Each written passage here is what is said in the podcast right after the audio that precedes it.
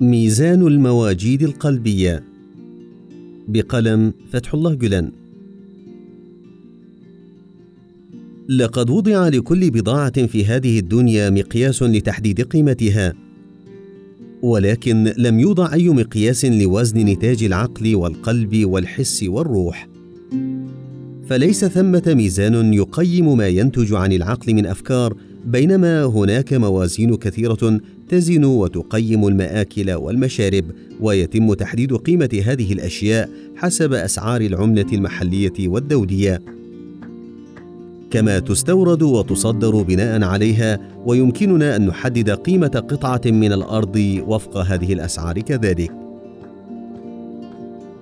ولكن لا يوجد في هذه الدنيا ميزان يمكنه أن يثمن عقلا فذا أو ذكاء فريدا أو كياسه عظمى.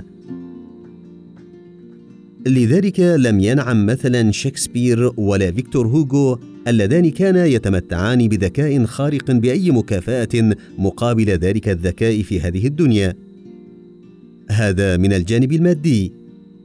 والآن دعونا نحلل الموضوع بعمق أكثر. ونتأمل في فطنة نبي من الأنبياء. لنفكر على سبيل المثال بالثمار التي نتجت عن عقل الرسول الأعظم صلى الله عليه وسلم وقلبه وأحاسيسه اللامتناهية. كذلك دعونا نجمع الأحاسيس الوجدانية لكافة الأنبياء عليهم السلام في مكان واحد. فهل ثمة ميزان في هذه الدنيا يمكنه أن يقيم تلك الأحاسيس يا ترى؟ اذا فالحكمة تقتضي أن يأتي يوم يقام فيه ميزان يستوعب كل تلك المشاعر السامية ويقيمها وذلك يوم الآخرة.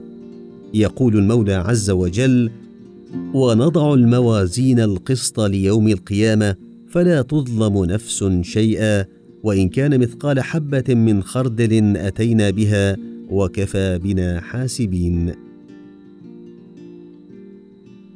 ليس في هذه الدنيا ميزان يستطيع أن يزن خفايا لدنيات الإنسان وبواطنه الجوانيه كما لا نستطيع أن نزن ثمرة إحساس وجداني يزداد تألقا مع كل إبحارة نحو أعماق القلب. وبالتالي فإننا لا نعرف ميزانا يقدر على وزن أحاسيس سامية أخرى مكنونة في قرارة الإنسان.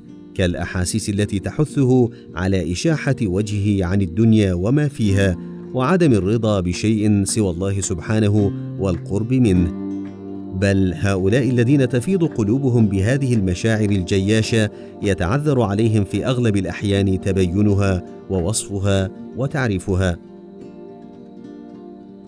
اذا فالحكمة تقتضي يوما يقام فيه ميزان لكي يزن كل هذه المواجيد الدقيقة دون أن يغادر صغيرة أو كبيرة وبالتالي فميزان الدنيا أقيم لكي يزن أعضاء الإنسان الخارجية ولم يوضع ميزان يقيم مواجيده القلبية التي لا يمكن أن تضاهيها صورته الخارجية سموا وبهاء واشراقا. وإن ذلك الميزان الدقيق سوف يقام في دار البقاء لا محالة.